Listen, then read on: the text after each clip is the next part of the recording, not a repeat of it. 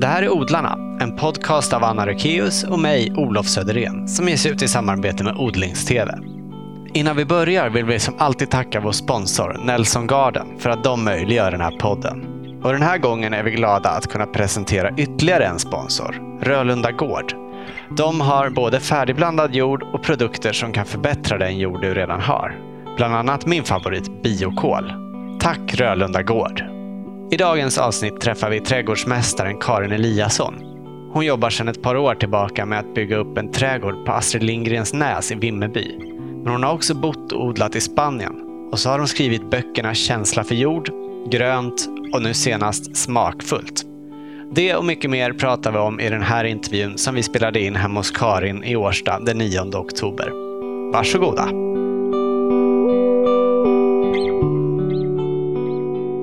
Hur kom det sig att du blev trädgårdsmästare?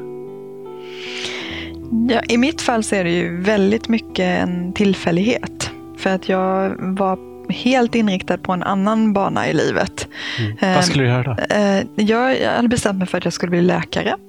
Och jag höll på att plugga medicin. Och eh, blev lite osäker på, på det där valet. Så då ledde det till att jag bestämde mig för att göra ett litet avbrott i de planerna och eh, testa någonting helt annat. Men, men det var egentligen inte så att jag tänkte att jag ska testa någonting annat som jag vill jobba med, utan jag behövde helt enkelt bara ett, en paus liksom, för att fundera lite på ja, vart det skulle leda. Och då hamnade jag på Rosendals trädgårdar i Stockholm. Eh, jag fick en av de här väldigt eftertraktade praktik... Eh, praktikplatserna som de hade där. Så det var nästan som ett lärlingssystem kan man säga. Mm. Eh, och det här var då 99 vill jag minnas. Och sen dess har du jobbat som trädgårdsmästare? Du återvände aldrig till läkare? Nej, jag gjorde inte det. Precis. Jag, jag blev väldigt förälskad i trädgårdsyrket när jag var på Rosendal. Och jag tror att för mig var det också så att jag var... Alltså jag är uppvuxen på landet utanför Halmstad. Jag har en lantbrukarfamilj i ryggen. Även om min eh, mamma och pappa inte jobbade med lantbruket så hade min farbror gård. Och farmor och farfar hade gård innan. Ah. Så att eh, jag har liksom alltid haft det där runt mig. Att man åker till gården eller att man hjälper till på höst och vår. Och Men med jag, jordbruk? Då, ja, precis. Ja. Med jordbruk. Eh, och jag tyckte att det var så erbarmligt tråkigt och väldigt självklart samtidigt. Men nu, alltså i alla fall när jag var i tonåren så, så var det ju inte tal om att jag skulle ägna mitt liv åt jorden på något sätt. Eh, det var inte ens liksom ett aktivt beslut, det var bara så självklart att jag inte skulle göra det. Utan jag höll på istället och ägnade mig jättemycket åt eh, dans och träning. Och, och jag tyckte det där med, jag, jag blev utbildad mig till massör och och så funderade jag på att bli kiropraktor och sådär. Sen tog livet liksom en annan vändning och sen blev jag politiskt engagerad och höll på att jobba med politik i uh, unga år.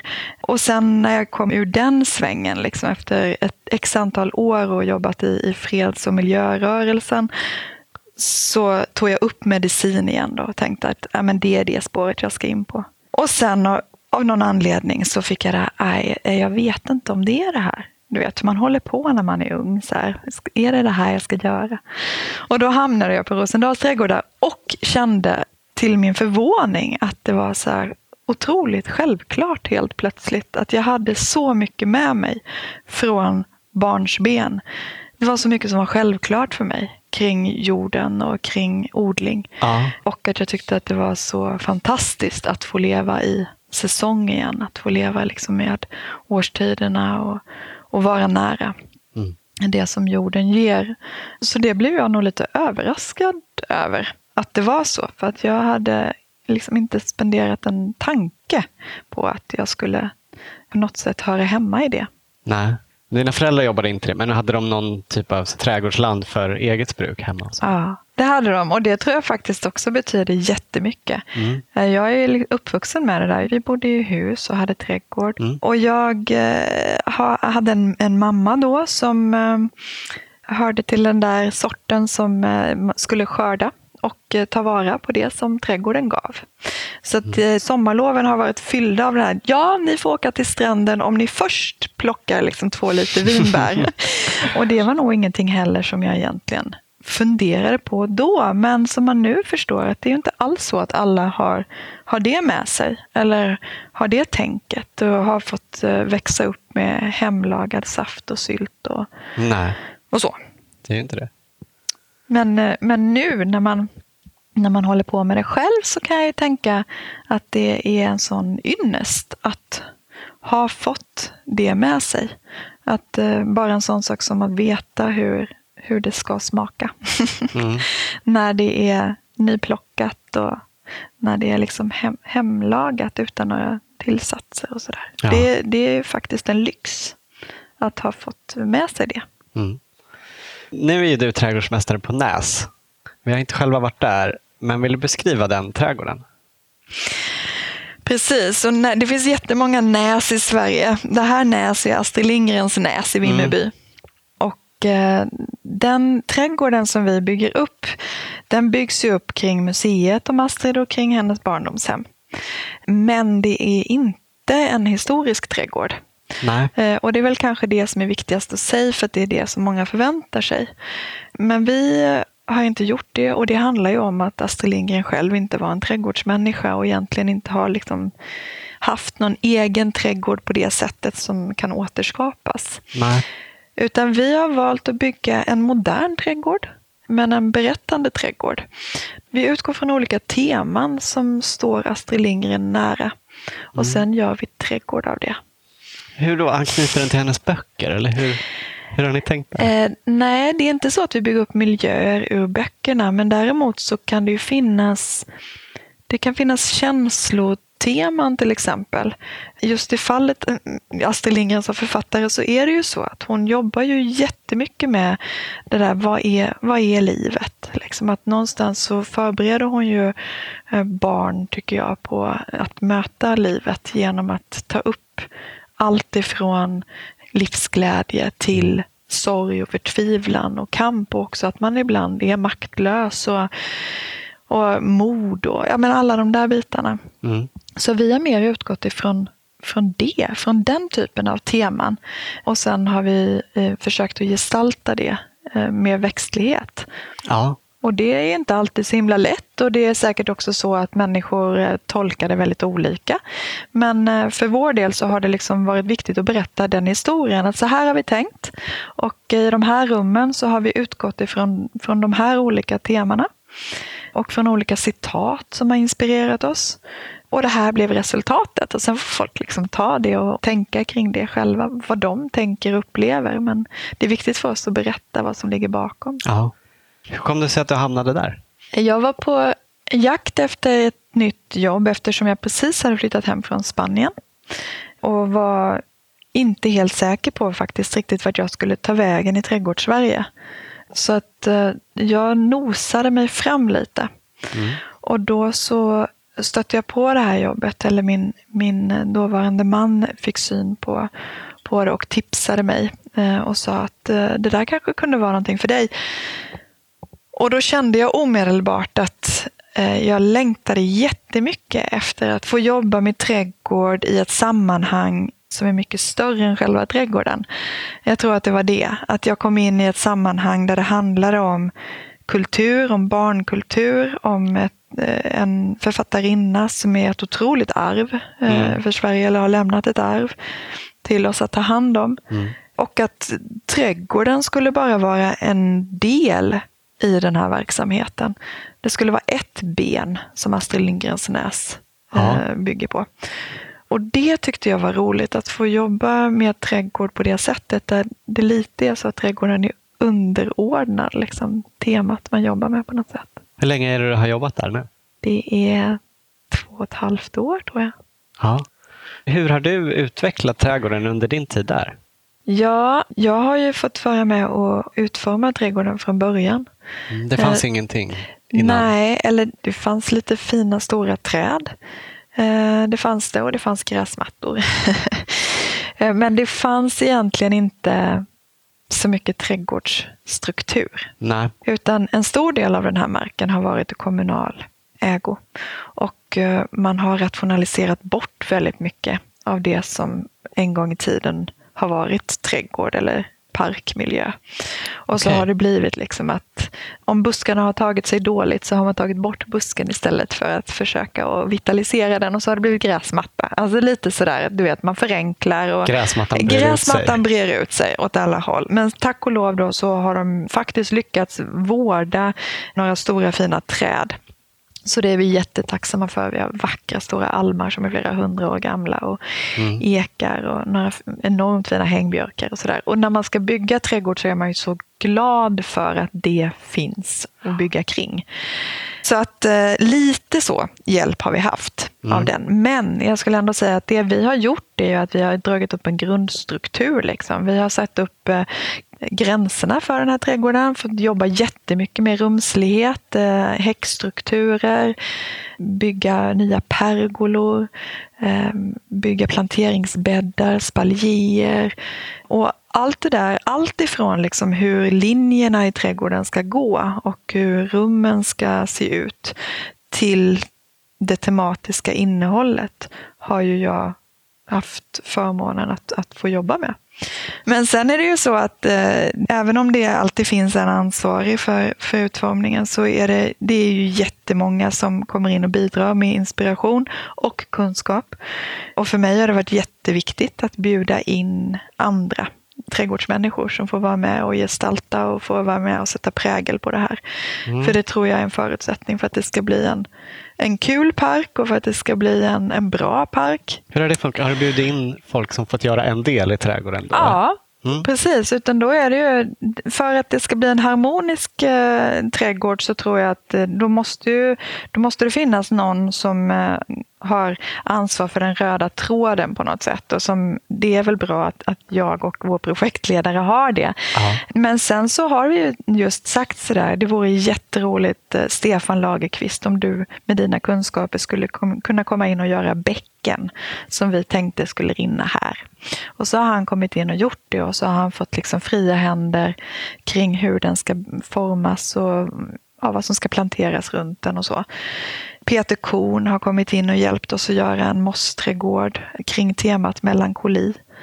Hannu Sarenström har kommit in och hjälpt oss att göra en lundplantering. Och då blir det ju så. Det blir ju, de sätter sin prägel liksom på, på de här små miljöerna. Och det tycker jag är jättekul. Det är det som på något sätt i slutändan bidrar till att det blir en mångfacetterad plats. Ja, spännande. Hur är det uppbyggt? Är det som en promenad man vandrar mellan de här olika rummen du berättar om? Ja, trädgården är ju, dels så handlar det ju om ytor som ligger mellan olika byggnader helt enkelt. Att vi har ju liksom en gammal prästgård, vi har gamla lador från gården som Astrids mamma och pappa hade. Vi har eh, barndomshemmet, eh, Astrids barndomshem som ligger där. Sen har vi en helt modern museibyggnad. Och mellan de här olika husen så, så finns det ju ytor som har blivit trädgårdsrum nu. Då. Men sen även bakom eh, det bebyggda så finns det ungefär två hektar mark som har varit ja, gammal asfalterad eh, parkeringsplats, lite slyiga dungar. Det har varit någon igenvuxen fotbollsplan. Och det där området har vi också fått ta i anspråk. Där finns det ju inga hus att förhålla sig till. Så där har vi liksom skulpterat fram, kan man säga, trädgårdsrum i de här miljöerna. Då. Så vi har lyft ut träd och vi har satt in träd och, och så. Men det är, som, ja, det är som en promenad som leder genom olika trädgårdsrum. Och sen så hoppas man att de här trädgårdsrummen, att man tar sig tid och liksom stannar i dem och är i dem, inte bara går igenom dem. Liksom. Hur stort är det totalt? Totalt är det 3,5 hektar mark, men då i det så räknas det ju in byggnader och parkeringsplats också. Så att jag skulle säga att mm, trädgården är kanske 2,5. Mm. Men du har varit med och byggt upp det från början. Är det klart nu? Nu är det snart klart. Så Såklart som det kan bli, höll jag på att säga. Men vi började för två år sedan. Nu är vi inne på tredje året och det här är sista delen av trädgårdarna som vi nu anlägger. Så det ska, den stora invigningen av hela parken kommer att vara i, i mitten på juni 2016. Och det innebär ju då att vi har anlagt grundstrukturen kan man säga för trädgården. Då finns det en park. Men vi har hela tiden sagt också att den här, om det här ska vara en trädgård som på något sätt lever upp till att vara en Astrid Lindgrensk trädgård mm. så känns det också som att det måste få vara en trädgård i förändring. Att det hela tiden kan hända nya saker, att det kan utvecklas, att den får vara modern på det sättet som Astrid Lindgren själv var. Och i det så hoppas jag också att den här trädgården, när jag kommer tillbaks dit om tio år, att den inte är likadan som som jag lämnade den. Mm. Utan, kommer du eh, lämna den nu när den är färdig Någon gång kommer jag väl att lämna den. jag vet inte riktigt om jag kommer att lämna den um, exakt när det blir klart. Det, det är inte bara upp till mig att bestämma det, men jag hoppas att jag på något sätt kan eh, få finnas kvar i den trädgårdens sammanhang. Mm. Men hur det kommer att se ut, det vet jag inte. För att mitt uppdrag har ju varit att eh, leda utformningen av den och när trädgården är klar så är ju på något sätt uppdraget slutfört. Men därmed inte sagt att trädgården inte behöver eh, folk som, som vill jobba med den. Det, det, kommer alltid att behövas. Och det är den värd och det tror jag att alla trädgårdar som, som gör anspråk på att vara intressanta måste hela tiden ha människor som, som bryr sig och som är närvarande och som vill någonting med trädgården. Mm. Är det bara en prydnadsträdgård eller finns det liksom ätbara saker i den också? Det finns definitivt ätbara saker i trädgården. Ja, det har säkert en del med, med mig att göra, men det har ju också jättemycket att göra med att vi är väldigt inspirerade av det småländska kulturlandskapet. När vi bygger den här trädgården, och där finns det mycket att hämta. Allt ifrån körsbärsodlingar till äppellundar, äppelängar. Så att eh, det har vi lyft in väldigt mycket av den typen av element. Till min mm. stora glädje för att jag har ju, mitt hjärta bultar ju verkligen för det där med en trädgård som man kan både ha för skönhets skull men också kunna plocka av. Mm. Och det handlar ju din senaste bok om. Mm. Det är ju faktiskt en hel bok om frukt och bärväxter kan man säga. Ja, alltså den handlar ju om frukt och bär och nötter men utifrån att det perspektivet just att man kan använda sig av de här växterna för att bygga en struktur i trädgården. Mm. Och det var anledningen till att jag skrev boken. För att jag tycker att det finns, det finns jättemycket bra böcker som handlar om frukt och bär. Men jag ville på något sätt eh, ge ett lite nytt perspektiv på det och tala om att de här växterna är mer värda än att man bara liksom förpassar dem till något, litet bärhörn i, i trädgården. Utan mm. att man faktiskt kan använda dem som häckväxter eller som mm. att bygga bersåer av. Eller... Det är ofta väldigt vackra växter. Ja, men fantastiska. Och just också att många av dem är ju verk, verkligen så tacksamma att forma. Så att man kan använda dem i den lilla trädgården. Och det tycker jag är, är värt att uppmärksamma. Alltså uppstammade bärbuskar och spaljerade träd och sådär. Det finns så mycket användningsområden. Mm. Det är en, en, gammal teknik som man har använt både för att eh, få in fruktodling där man inte har plats för väldigt skrymmande träd och buskar. Men också faktiskt för att det ökar ofta kvaliteten på frukten om man, har, man får värmen från väggen och eh, frukten blir mer solexponerad och sådär. Om man spaljerar träden eller mm. buskarna. Och sen så just det här med att stamma upp, att man eh, kan få olika höjd på odlingen. Att man kan ha till exempel vinbär antingen uppstammade som små träd eller att man har dem som kordonger så kallat, att det går upp en stam och sen så går det ut åt varsitt håll. Då, lite horizon, horisontell odling kan man säga. Mm. Men det gör ju att man både då kan få bären och sen så kan man ju ha till exempel smultronplanteringar under, att man får som två nivåer liksom på odling. Mm. Eh, det skriver du ju också om där, att använda bär som marktäckare. Ja. Berätta. Nej, men det tänker jag att eh, dels så är det ju så att det här med bottenlagret i trädgården så att säga med golvet. Mm. Att Ibland är det så att man vill ha mycket gräs för att det är bra lekyta och sådär. Men så helt plötsligt så går trädgården in i en annan fas där man kanske känner att man inte har så stort behov av de där ytorna att trampa runt på. Utan att man mer vill att de ska vara snygga och lummiga och fina. Och då finns det ju så mycket låga fina växter som man också kan skörda av. Som man faktiskt kan ha som marktäckare. Mm. Och där tar jag ut svängarna lite för att där finns det ju Smultron och jordgubbar och sådär är ju såklart väldigt klassiskt och det är väldigt enkelt. Men det finns ju också roliga saker som tranbär och hjortron och som man kan försöka sig på. Kan man Eh, odla hjortron? Ja, det kan man absolut göra. Och det, de, växer ju, de växer ju naturligt ute i Stockholms skärgård och sådär. Så det, hjortron, jag tror att vi har en idé om att hjortron hör hemma väldigt mycket uppe på bara. myren. Ja. Och det gör de ju Ja. i vilt tillstånd. Men skapar man myrlika förhållanden så kan man ju odla dem Ja. i hela Sverige. Och hur gör man det? Det är med, måste vara sur jord då va? Eh, ja, lite surt, men framförallt så är det det där med att man får den här luftigheten. Liksom, Ja. Att det är lite kvistar och vitlav och alltså att man gärna vill ha ett luftigt skikt som eh, rötterna kan liksom vara i. Och sen så fukt under, så att de hela tiden har kontakt med fukt. Men när det fryser så ligger liksom själva röt- rotsystemen i ett luftigt lager som gör att de inte fryser Ah, sönder. som inte är som en tjock is. Precis, koka, så att och det är det som är så speciellt med den här marken där de växer vilt. Då. Ja. Men jag kan ju tänka att allt det här, det låter så här, ja, ja, det låter ju komplicerat. Och det är det, men är man liksom en inbiten odlare och, och är nyfiken och vill utmana sig själv så behöver man just den typen av utmaningar. Mm. Om vi återvänder lite till eh, de här spaljerade träden och buskarna. Mm. Går det att jobba på det sättet med alla vedartade växter? Nej, det skulle jag inte säga. Jag sitter och tänker febrilt. Vad kan man...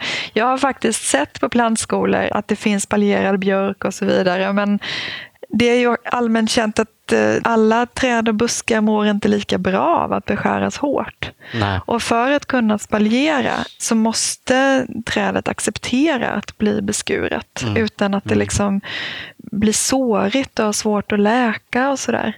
Plommon Så och att, körsbär och sånt är svårare Ja, alltså plommon och körsbär är svårare. Man kan faktiskt spaljera det, men då ska man ha på ganska svagväxande stam så att de naturligt inte växer så starkt eller så mycket och blir så stora.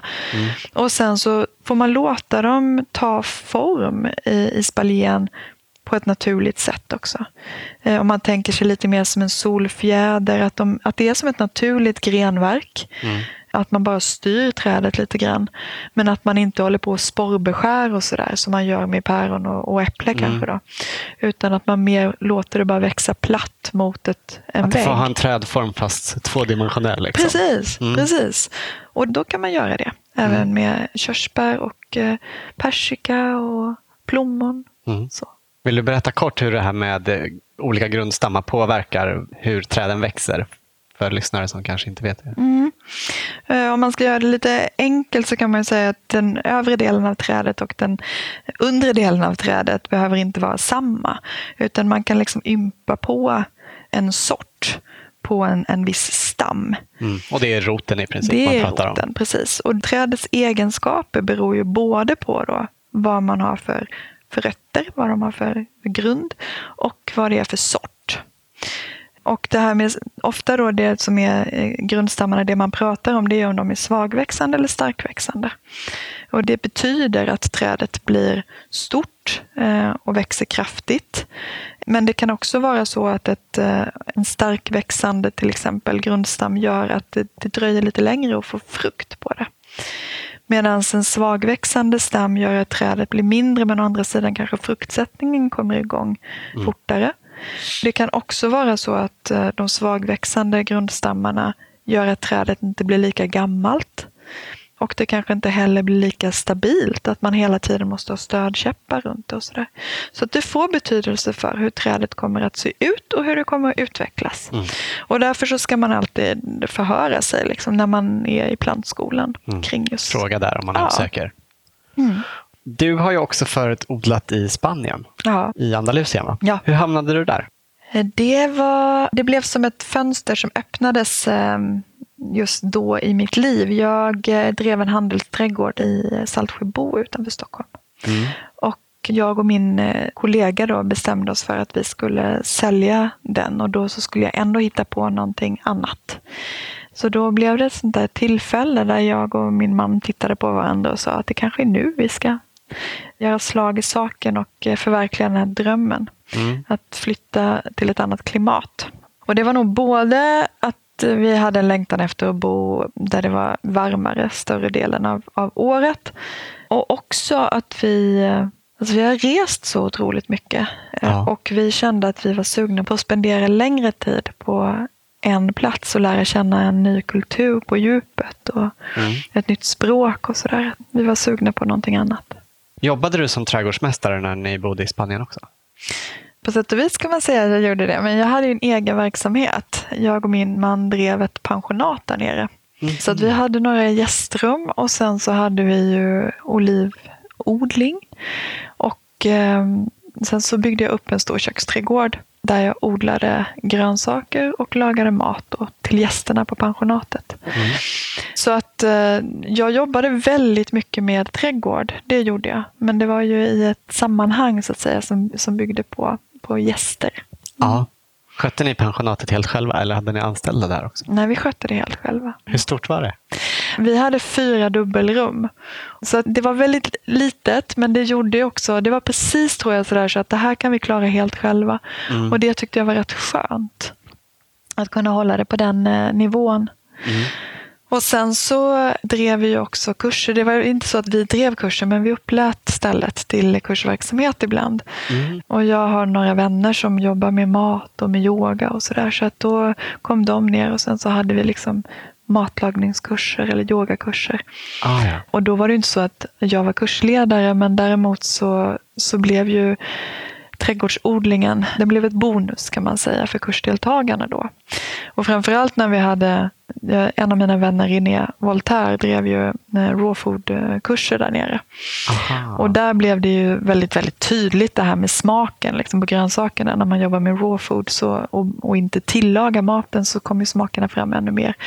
Så det var väldigt tacksamt på något sätt att eh, jobba med, med solmogna grönsaker. Mm. Mm.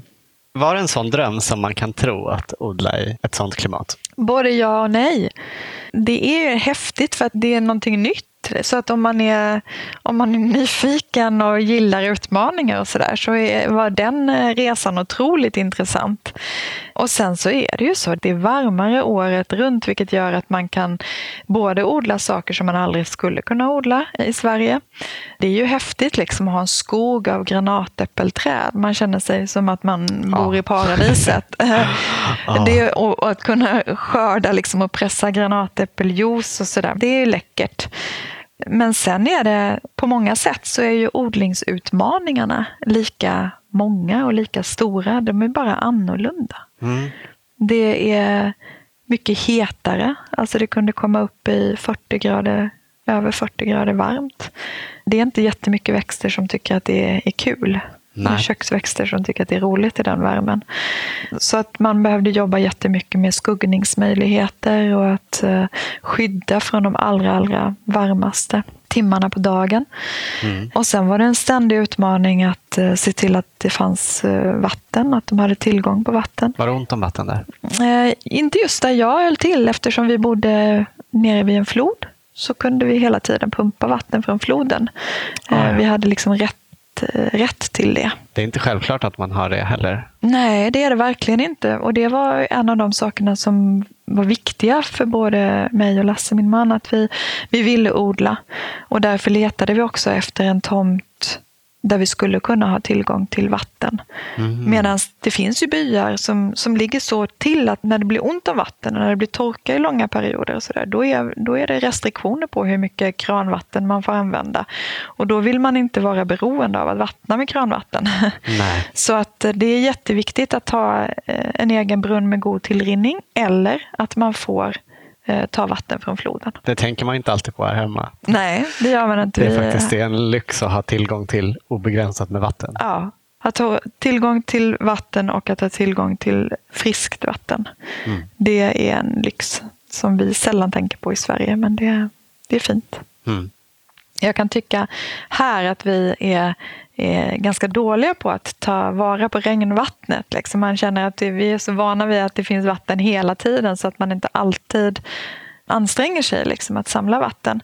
Men i Spanien var det ju faktiskt så. Det var ju många som byggde som grävde ner vattendepåer liksom på samlade regnvatten från tak och sådär som, som sen låg i de här depåerna bara för att kunna ha tillgång till vatten när det blev lite sämre tider. Då.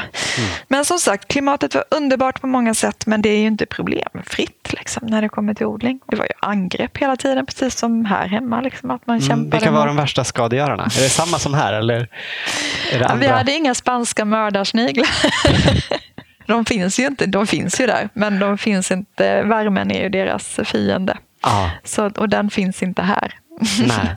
Men Det är den som begränsar Ja. värmen och torkan. Precis, så att de får ju inte alls den spridningen som de får här. Nej. Men däremot så fanns det ju andra små, små illbattingar. Liksom. Jag hade ju väldigt mycket gräshoppor och sådär som tyckte det var kul att tugga i sig blad och mycket larver. Och, Ja. och sen så också att de rackarna är ju liksom ofta igång när man själv kanske inte är där. Då, så att det, det är inte alltid så lätt heller att plocka dem liksom, som man gör med larver.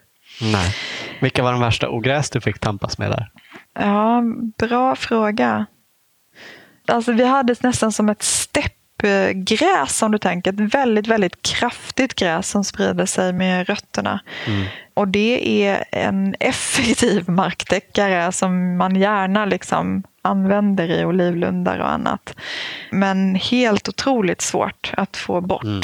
Som kvickrot, liksom, fast kvickroten är ju väldigt mjukt, eh, ett mju, en mjuk form av gräs. Mm. En Ehm, hårdare variant. Äh, Väldigt hårt, så, där, så ett gräsblad man skär sig lite på dem, nästan som strandråg eller så. Ja. Och det var besvärligt när man fick in det. Mm. Men sen gjorde jag ju sådana där riktiga tabbar. Jag planterade ett fikonträd eh, mitt i min köksträdgård. Ja. Otroligt fint och jag var jätteglad för det skuggar ju väldigt fint. Och sen så hade jag jordgubbsplanteringar under och så.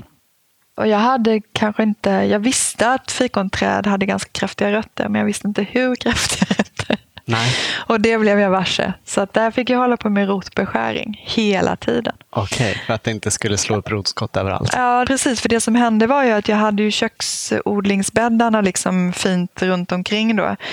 I, en, I någon fin cirkel kan man nästan tänka sig på kanske 20 meters diameter. Något sånt.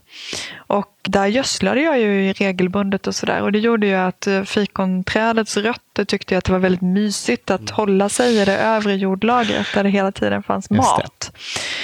Jag hade ju verkligen satt mig själv i den situationen. Men jag fick liksom successivt skjuta de här odlingsbäddarna längre och längre ut från fikonträdet och samtidigt rotbeskära trädet varje år. Så den läxan lärde jag mig. Mm. Du nämnde skog av granatäpple och fikon. Vad hade ni för odlingar med där? Vi hade, jag hade ju citrus, eh, citrusträd också, även om det var på gränsen verkligen kan jag säga.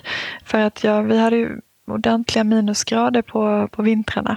Ja, Så att det blir så pass kallt ändå. Ja, det blev det på nätterna. Men ändå så klarade sig citronträdet klarade sig ganska bra. Och sen så hade jag grapefrukt och lime och kuat och sånt där som stod liksom mot väggen i krukor. Så de hade jag i krukodling då. Mm. Men eh, annars hade vi mycket aprikoser. Jag hade persikor. Jag eh, hade kvitten. Och sen så hade vi ju olivträd såklart. Vi hade ju en olivlund och gjorde egen olja. Häftigt. Var ni självförsörjande på grönsaker? Nej, inte helt ska jag inte säga. Vissa grönsaker har man ju väldigt mycket av under väldigt kort period. Om man inte är väldigt noga med liksom hela tiden succession och sätta nya planter och sådär så, så blir det ju ändå som att nu har vi den stora gurkskörden liksom, och då får man enorma Ja. mängder med gurkor. Du skrev, skrev i grönt att du kunde skörda 20 kilo om dagen. Ja, ja, det var helt hysteriskt. Men det var ju första året, då fick vi också massa plantor av grannar och sådär. Plus att jag hade väl tagit tid och, och satt lite väl många. Mm. Vis av erfarenheten i Sverige att ibland kan de ja, säcka ihop och dö och sådär. Så att jag hade liksom tagit i min marginal. Ja. Och det blev så mycket gurkor så att till slut så stod man liksom och gjorde gurkjuice och min man försökte soltorka gur gurka. Kan man det? blev Blir det något kvar? Nej, det visade sig att det kunde man inte. Det blev jätteäckligt. Det blev nästan inget kvar det blev jätteäckligt. Som små oblater. Liksom, som, Ja. Blir det Ja. beskt eller? eh, ja, det blev, Det kan ju vara, finnas en beska i gurka. Det Ja, känns som den skulle precis. komma fram om man torkar det den. blev något konstigt, väldigt fadd smak. Liksom. Ja. Jag tycker väldigt mycket, det lärde man sig, väldigt mycket av fräschören i gurkan sitter i vätskan. liksom. Ja. och det andra har det var någon konstig smak. Så att, eh, Så om man vill konservera gurka på något sätt, då ska man lägga in den och inte försöka torka den. nej, precis. Det är en jättebra erfarenhet. Ja. Nej, men så, så är det. Men däremot så eh, när det gällde tomater till exempel så kunde man ju vara helt självförsörjande utan några större problem. Därför att vi kunde ha tomater under väldigt lång säsong. Ja. Och sen så kunde man också soltorka tomater väldigt enkelt. Mm. Eh, så att man hade liksom kvar tomater på det sättet. Mm. Och att man ju passerade tomater och konserverade tomater och sådär. Så att eh, tomater var ju en sån där, det levde man ju verkligen med under huden på något sätt. Och att de fick ju så fin kvalitet i, det odlingsklimatet. De hörde liksom hemma där. Ah. Så tomater och paprikor och chili och aubergine, den typen av grönsaker var vi absolut självförsörjande på. Härligt. Mm. Du har ju bott i Vietnam som barn också. Mm, vad du vet. Mm, jag har läst på i dina böcker. Du har ju skrivit om det. Ja, precis. Har du inspirerats av det i ditt arbete med trädgård också? Eh, ja, det är en jättebra fråga faktiskt. Jag skulle säga att jag bär med mig det där så otroligt varmt och hjärtligt eh, hela tiden. Så att eh, det har säkert påverkat på något sätt. Jag tänker så här, att när jag odlar grönsaker mm. Så odlar jag väldigt mycket sånt som jag tycker om att äta. Det är liksom grunden för, jag tycker att ska man odla för att skörda, då ska man tycka om att skörda och ta vara på det. Ja. Eh, det, det, det, ja, det, det, är liksom, det är det som är som väldigt mycket styr valen för mig, vad det ja. är jag lägger ner jobb på. Och vad jag tycker om att äta är väldigt mycket asiatisk mat. Mm. Och där kanske det då är så att jag formades tidigt i mitt liv när det gäller de där smakerna. Jag har alltid, även som barn, varit väldigt förtjust i koriander och, och eh, den här basilikan med lite anissmak. Liksom att, att de smakerna som nu är en väldigt naturlig del av eh, det svenska köket eller som vi stöter på överallt, mm. de var ju inte det liksom i början på 80-talet och när vi kom tillbaka från Vietnam så gick det knappt att hitta färska kryddor i butikerna. Nej. Och jag, eh, när man började kunna hitta det igen och när man hittade fröer just i koriander och, och thai basilika så blev det en sån lycka för mig för att det är som återförenas liksom med mina, min barndoms smaker. Mm. Så att eh, på det sättet så finns ju Vietnam och tiden i Sydostasien med mig hela tiden i det jag gör. Och väldigt mycket tror jag i i liksom det, det som jag upplever som estetik och så, så inser jag att det finns också mycket från eh, Sydostasien som jag tycker är vackert när det gäller färger och jordtoner och som jag associerar liksom till Vietnam. Ja. Har du några favoritgrönsaker därifrån som går bra att odla här också? Ja, alltså det som jag tycker är, är eh, trevligt är liksom bladgrönsakerna. Att gå på en marknad i Vietnam är ju väldigt mycket att eh, gå bland bladhögar.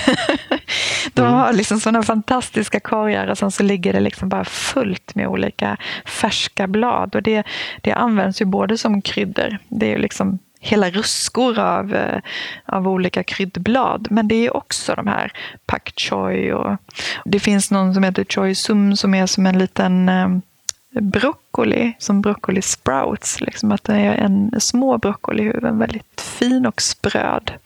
Och den typen av grönsaker går ju alldeles utmärkt. Alltså pak choyen till exempel, den typen av, av lite kolblad så, de kan man ju odla sent här på mm. hösten också mm. och få väldigt fin kvalitet på.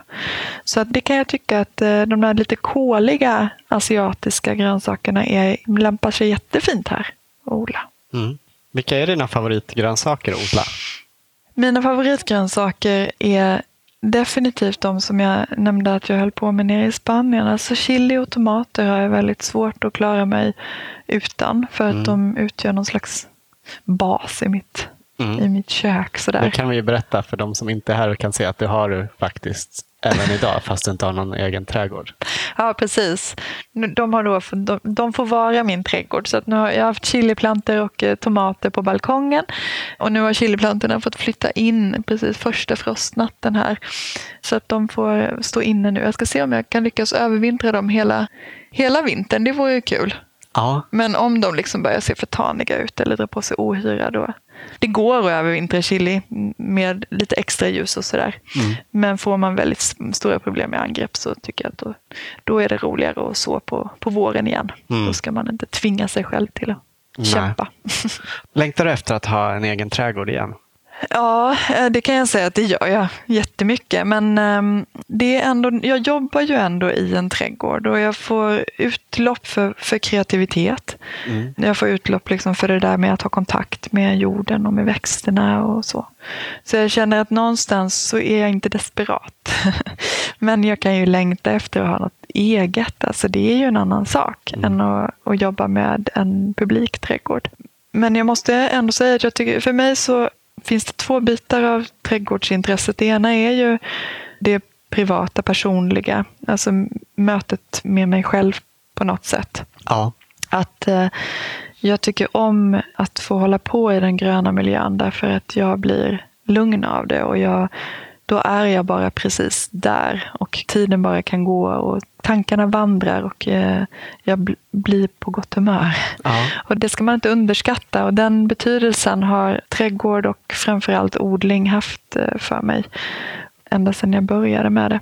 Mm. Men, Känns det aldrig stressigt eller motigt eller sådär? Nej, inte i det privata. Nej. Men jag är väldigt... Eh, jag har inte så stora krav på mig själv heller tror jag, där. Nej jag får misslyckas och jag får experimentera och jag får, ibland blir det inte perfekt och ibland hinner man inte gräva och ibland, alltså jag, jag tror inte att jag lägger så stora krav på mig själv när det gäller mitt eget utan det måste få vara bara lustfyllt. Jag behöver inte heller en perfekt trädgård för att vara lugn eller må bra. Jag behöver en trädgård som ger mig möjlighet att få vara kreativ. Mm att få jobba och att få pilla, liksom, hålla på med mina små plantor och få hålla på med jorden. Och det är det som är viktigt. Så att eh, det där med den perfekta eh, estetiska trädgården, det, det, det är inte det jag är ute efter. Det har nog aldrig varit. Nej. För mig själv. Och sen när det gäller mitt jobb så handlar ju för mig väldigt mycket om att jag vill jobba med trädgårdar som kommer andra människor till del. Och så har det nog varit liksom både när jag jobbade, när jag drev eh, handelsträdgård med odlingar och när jag var i Spanien och hade pensionat och nu när jag jobbar med Astrid Lindgrens Näs. Att utan det där mötet liksom, med människor så känns det väldigt eh, fattigt. Mm. Så. Utan den biten vill jag gärna ha med på något sätt. Att jag tycker att folk behöver trädgård. Och jag vill vara med och bygga liksom ett samhälle där det finns mer trädgård. Mm. Så det perspektivet är väldigt viktigt för mig där. Och det får jag också tillgodosett just nu då eh, genom arbetet på Astrid Lindgrens Näs. Jag känner mig ganska lyckligt lottad ändå när det just kommer till att ha tillgång till trädgård. Mm. Vad tycker du man ska tänka på om man ska anlägga en trädgård och vill ha en trädgård som är skön att vara i? Jag tycker man ska tänka på att göra det i lagom doser. Mm. Det beror ju på hur, hur mycket man kan och hur väl man känner sig själv och hur, hur mycket koll man har på hur mycket tid det tar. Mm. Och om man är väldigt mycket nybörjare men vet att man trivs i gröna miljöer, då måste man ju få prova sig fram liksom, och känna sig för. Och då tycker jag man ska börja i det lilla. Mm. Så att man skapar den där lilla ytan som blir mysig att hålla på med och att man inte börjar liksom med att anlägga stora ytor. Mm. Och framförallt om man har en, en tomt, om man har köpt ett hus med en tomt, så kanske det är så att man börjar med ytorna närmast huset. Närmast sin uteplats eller sådär. Att man tar det liksom lite stegvis och att man bygger sig ut i trädgården. Ja. Så att man hela tiden känner att man, att man är med och att man eh, hinner. Och att det inte bara blir prestation. Nej. Och sen så tror jag att det är viktigt att man känner in platsen, att ja. man tar sig tid. Att man lär känna sin plats. Så att man också vet vilka trädgårdsrum man vill skapa. Ta reda på vilka behov man har. Ja, verkligen. Att, eh, och det där handlar ju jättemycket om att ha lite tålamod och kanske ägna ett år åt att bara vistas där och känna mm. in och tänka och röra sig över tomten lite sådär. Hur vill man gå? Att man lägger gångarna där man naturligt rör sig. Ja. Så. Du har jobbat förut en del med privata trädgårdar också, mm. på uppdrag åt andra människor. Då. Mm. Vad är det största misstaget folk brukar göra? Det är så hemskt då, när man säger så, att de brukar göra misstag. Men det gör om man säger, alla? Ja, det gör vi alla, absolut. Och jag tänker den största anledningen till att folk hör av sig, alltså när de har gått på en, någon form av mina och känner att nu kommer vi inte längre. Det kan ju just vara det där med att man kanske har påbörjat väldigt mycket och sen mm. visar det sig att ingenting riktigt tar sig och då står man liksom med problem i alla hörn av trädgården. Det är mm. en sak om man liksom kan fokusera på någonting men just det där med att man har anlagt en trädgård och sen så helt plötsligt så är det liksom väldigt många fronter man måste jobba på samtidigt. Det tycker jag att jag har mött ofta, att man får liksom börja med att hjälpa dem att prioritera. Det kan vara en bit som jag tycker att man kanske tar sig lite vatten över huvudet. Ja. Men eh, sen är det ju också väldigt vanligt att man kanske mer går på skönhet, alltså att man har en idé om allt vackert man vill ha utan att man riktigt har koll på, kommer det att funka i min trädgård? Ja. Och det, någonstans så känner jag så att mitt hjärta bultar så mycket för de där människorna som verkligen går på skönheten, för det gör man ju lite själv också. Men det är, kan bli så tråkigt om man har investerat mycket pengar i ett träd eller en plantering som, eller växter och sen så passar det inte alls för mm. den jorden eller det läget man har på tomten. Så det skulle jag säga är en stor bit också. Att man kanske inte riktigt har, har tänkt igenom. Så här, vad, vad lämpar sig hemma hos mig? Mm. Blir inte folk besvikna då när de måste inse att det kanske inte funkar och göra på det sätt som de hade tänkt? Jo, fast jag tror att en stor del av eh, att vara trädgårdsrådgivare är ju att bistå med nya drömmar faktiskt. Att de har en bild av ett vackert träd eller sådär som de vill ha och så säger man att det där kommer inte att funka för att det här är fel zon eller fel jord eller vad det nu kan vara för någonting. Mm. Eh, men då, man kan ju inte stanna vid det utan där min roll blir ju att visa på alternativ.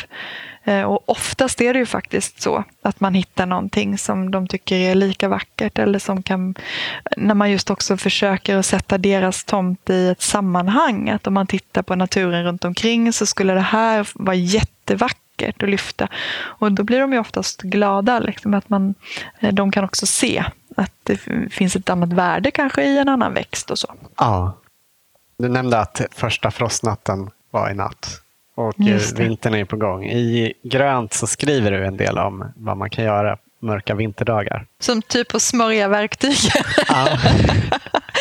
ja, nej men det är lite så. Jag kan verkligen tänka att man, man, vill, man är ju sådär pysslig. Liksom. Någonstans mm. så kan vintern kännas så himla lång. Mm. Men eh, jag brukar liksom frossa i frökataloger. Både krypa upp i soffan och läsa trädgårdsböcker och titta i frökataloger. Men man kan också vara ute på nätet och läsa roliga bloggar och suga i sig kunskap därifrån och, mm. och just eh, drömma om allting man ska göra nytt i trädgården nästa år. Mm. Men sen är det ju rent så praktiska saker som man kanske inte riktigt tar sig tid på sommaren att göra. Diska ur alla krukor ordentligt och se till så att de eventuella svampsjukdomar och annat kommer bort. Ja, är du eh, noga med sånt? Alltså jag var noga med det när jag hade min köksodling. Mm. Då diskades det ordentligt. Mm. Och likadant det här med att rengöra verktyg och sådär. Det är ju någonting man måste göra såklart kontinuerligt. Sprita sekatörer och så när man har varit och skurit i sjuka växter. Men eh, jag tänker mig att även den där lilla vårddagen liksom, när man håller på att rengöra, alltså plocka isär sin sekatör och rengör på ordentligt och oljar upp den och slipar och fixar. För mig är det där, eh, har det där också att göra med en, en relation till eh, mina bästa trädgårdsvänner, liksom, mina verktyg. Mm. Och att eh, lägger man mycket pengar på redskap, som man ofta gör, eh, för att man eh, vill ha bra saker att jobba med, då ska man ta hand om dem också. Mm. Eh, och det där, jag försöker liksom att vara lite duktig med det. Mm. Att, det känns som att många slarvar med det. Ja, jag tror att det lätt blir så. Man ja. glömmer sekatören ute och man liksom, lite så. Men eh, då inbillar jag mig i alla fall för min egen del att eh, om jag liksom gör det där till en liten ritual nästan så kommer jag ihåg också. Jag kommer ihåg det hela året sen att eh, ta hand om verktygen och då håller de länge. Och så blir man ju lite sådär när man väl har hittat liksom ett redskap som man jobbar väldigt bra med. Så man känner att det här är, har man bra grepp med. Eh, det här är bra trampyta på spaden och sånt där nördigt som man blir noga med när man håller på och gräver mycket. Mm. jag hade ju halva mitt bagage när jag flyttade till Spanien var ju typ trädgårdsredskap. De hade ju jätteroligt att jag flyttade gubbarna. Ah. Jag trodde inte det finns spadar att köpa i Spanien. Men det hade ju inte riktigt med det att göra utan det var ju liksom det var mina redskap och jag ah. hade jättesvårt för att skiljas från dem för att jag kände att men jag vet ju att jag jobbar bra med dem. Jag jobbade väldigt länge i en trädgård hos en gammal dam. Det var bland mina första uppdrag när jag kom ut från Rosendal så började jag jobba hemma hos henne och skötte hennes trädgård. Hon var mm. ganska gammal redan då. Sen jobbade jag där i princip varje vecka, någon dag i, i eh, sex, sju år. Och sen så, så dog den här damen. Men, eh, men hon hade en så underbar källare med, med, som var fullstuvad med gamla trädgårdsredskap mm. från lång tid tillbaka. Och där hängde det liksom små lappar lappar så här för att hon skulle påminna sig själv att eh, jag vill gärna bli smörjd när jag har klippt 10 meter häck. Alltså varje så här häcksax hade en liten berättelse liksom där det stod ja. vad de behövde bli ompysslade. Ja, gulligt. Ja, det var fantastiskt gulligt. Och jag, jag vet att det där, jag tänkte det, att det här är det någon som är noga, men, men också att det fanns något väldigt fint över det. Att hon hade verkligen tagit hand om sina redskap. Ja. Vad gör du som trädgårdsmästare under vintern? Det är ett tufft yrke på det sättet att man faktiskt eh, ofta blir friställd. Att man får någon form av mm, säsongsanställning. Ja. Mm. Och har man en, eh, en heltidsanställning så kan tiden ofta vara uppdelad. Man kanske jobbar 80 procent men så är det fördelat så att man jobbar 100 procent under högsäsong och så, och så jobbar man en lägre procent under vintern. Mm. Så att eh, det där kan se lite olika ut. Jag, jag känner ju själv att jag kanske inte är helt representativ eftersom jag har jobbat som egen. Eller så är jag det. Det är många som jobbar som egna idag. Mm. Men då är, det, då är ju vintermånaderna ganska tuffa att fylla ut. Jag var ledig i princip två månader varje år och reste då väldigt mycket. Ja. Och sen så började trädbeskärningssäsongen. Den försökte man ju köra igång redan i februari. Eh, så att man kunde liksom jobba tidiga vårmånader med det. Och sen så blev ju höstarna varmare och varmare. Ja. det vet jag inte om det är positivt, men eh, anläggnings... Nej, det är det väl egentligen inte. Nej, men anläggningssäsongen har blivit längre. Ja. Så kan man ju säga. Så att nu håller vi ofta på att anlägga fram mitten av december. Så då blir det inte så jättelång eh, vintersäsong som man står still. Nej. Och då kan det vara det ganska skönt. Det har man ju märkt som fritidsodlare också, sista åren. Alltså, sista två vintrarna har vi inte haft någon tjäle på vår kolonilott. Vi har kunnat gräva upp jordärtskockor hela vintern. Ja. Det är ju något läskigt med det också. Absolut, absolut. Och framförallt när man ser att det är liksom en, en trend och att eh, allting börjar blomma igen i november och sådär. Då blir man, ju, man blir lite skakad och tänker hur, hur kommer floran att förändra sig här nu? Mm. Du skriver också i grönt om Lilla apoteket med lite husmorsknep för naturlig bekämpning och så. Mm. Vill du berätta lite om dem? Ja, det där är någonting som har följt mig. Jag är inte så förtjust i att använda bekämpningsmedel och då måste man ta till alla andra knep. Men ehm, det jag ändå skulle säga är att det viktigaste är att man varje dag tittar på sina planter mm. och går över dem, plockar bort sjuka blad och ser om man angrepp. Att försöka plocka bort löss och små larver och mm. vad det nu kan vara för någonting. Var tidigt ute. Ja, var tidigt ute. Och sen så finns det väl så mer eller mindre beprövade knep liksom, som mm. man kan använda sig av. Och såpa är ju en sån där grej. Att det finns ju till exempel löss som, ehm, där andningsvägarna täpps till liksom av lite fett. Och såpan har ju det i sig. Mm. Och då kan man spruta med såpalösningar med lite T-sprit i och sådär. Så, men då vill det till att alla får det här på sig. Mm. Annars så funkar det inte. liksom. Så att eh, det bygger ändå på att man har koll på var de rackarna är någonstans för att sådana knep ska, ska fungera. Ja. Du skrev om nässelvatten och fräkente till tomaterna. Ja, precis. Eh, det där är ju någonting som man kan hålla på med mycket om man har en egen tomt också, tänker jag. Mm. Eh, att man kan ha en liten nässelodling och man kan också Åkerfräken är det väl ingen som vill sätta in i sin trädgård, tänker jag. Men om Nej, man det kan mot... avråda ifrån. det är ett fruktansvärt ogräs. Men om man nu ändå har det? Om man råkar ha åkerfräken så är åkerfräken en väldigt kiselrik växt. Mm. Så att man kan duscha växter med åkerfräken te och man kan vattna vattna. Mm. Och då tillför man kisel och kisel är bra för vävnaderna kan man säga i växterna. Mm. Så det stärker dem ofta och kan göra att motståndskraften blir lite större mot svampsjukdomar och så till exempel. Och nässelvatten är ju enormt näringsrikt så det använder man ju faktiskt främst som en näringsgiva. Ja. Men det här med, med alla de här huskurerna så tycker jag ändå att man ska säga det. Det är ungefär som att äta lite vitamintabletter. Att man blir lite starkare, man kan stå emot lite bättre. Men till exempel att inte övergöda med kväve är ju viktigare för att inte dra på sig svampsjukdomar än att man vattnar med åkerfräken och stärker dem i kisel. Så att det, beror, det är hela tiden det där med att man måste vara medveten om mm. var man balans. är. Precis. Så för mycket nässelvatten kan göra skada istället? Ja, alltså det är, man ska alltid titta på växten och, och någonstans uh, veta var man befinner sig i sitt gödslingsschema så att säga. Att man kan inte bara ösa på hur mycket som helst utan man måste lära sig att läsa lite. Eller av erfarenhet veta att nu, nu var det två veckor sedan jag gav näring till mina tomatplantor och då är det dags igen. Mm. Eller att man ser att bladen ser lite gula ut eller börjar se trötta ut på växter. Då behöver de få lite kvävegiva. Mm. Men att man bara öser på med hönsgödsel liksom, ja, vecka mm. efter vecka, eller nässelvatten för den delen, mm då blir det en övergödning av kväve. Mm. Eh, och då får växten väldigt stora, slappa, mörkgröna blad. Och eh, cellerna blir lösa och vattniga i eh, växtens vävnad kan man säga. Och det gör mm. att de faktiskt blir mer mottagliga för, för svampangrepp till mm. exempel. Du nämnde att du inte var så förtjust i bekämpningsmedel. Mm. Odlar du alltid ekologiskt? Ja, jag gör det. Jag har aldrig odlat för att uh, försörja mig på det. Uh, och jag tänker att uh, då behöver jag verkligen aldrig ens tänka på om det ska vara ekologiskt eller inte. För att jag, om man inte har liksom några sådana krav på sig, ekonomiska krav, då tycker jag då har man i princip ingen rätt att använda bekämpningsmedel. Nej. Man får väldigt fina skördar även om man odlar ekologiskt. Så mm. att man behöver inte känna sig på något sätt hindrad eller decimerad av det. Nej.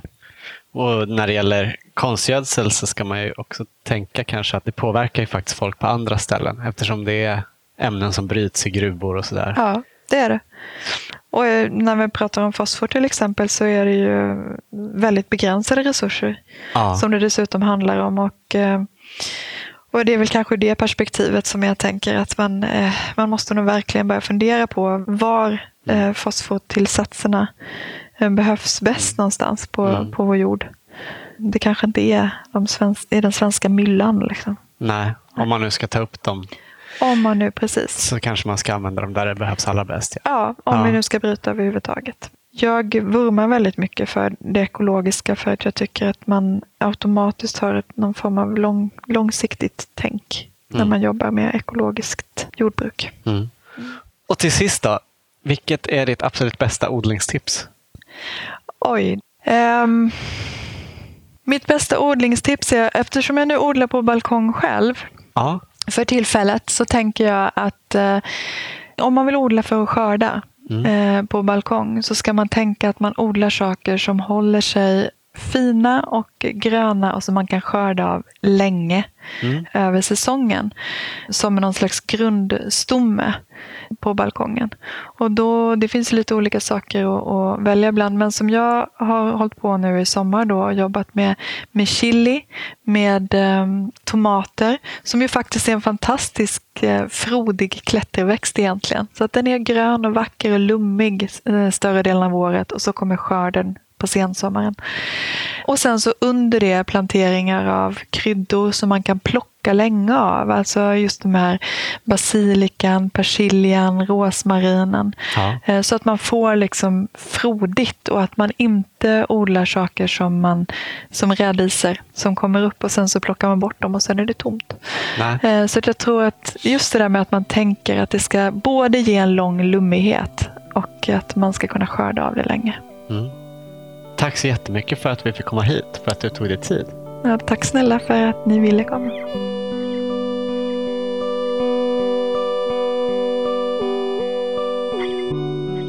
Du har hört Karin Eliasson intervjuas i Odlarna. Om du blev nyfiken på att se den trädgård hon jobbar med just nu så finns den alltså på Astrid Lindgrens Näs i Vimmerby. Om du vill ha tag i de böcker Karin har gjort så heter de Känsla för jord, Grönt och Smakfullt. Hon skriver även krönikor i tidningen Trädgårdsliv. Nästa avsnitt av Odlarna kommer om två veckor och i väntan på det är du välkommen att kolla in Odlarna på Facebook. Du kan också följa oss på Twitter där vi heter Odlarna Podcast.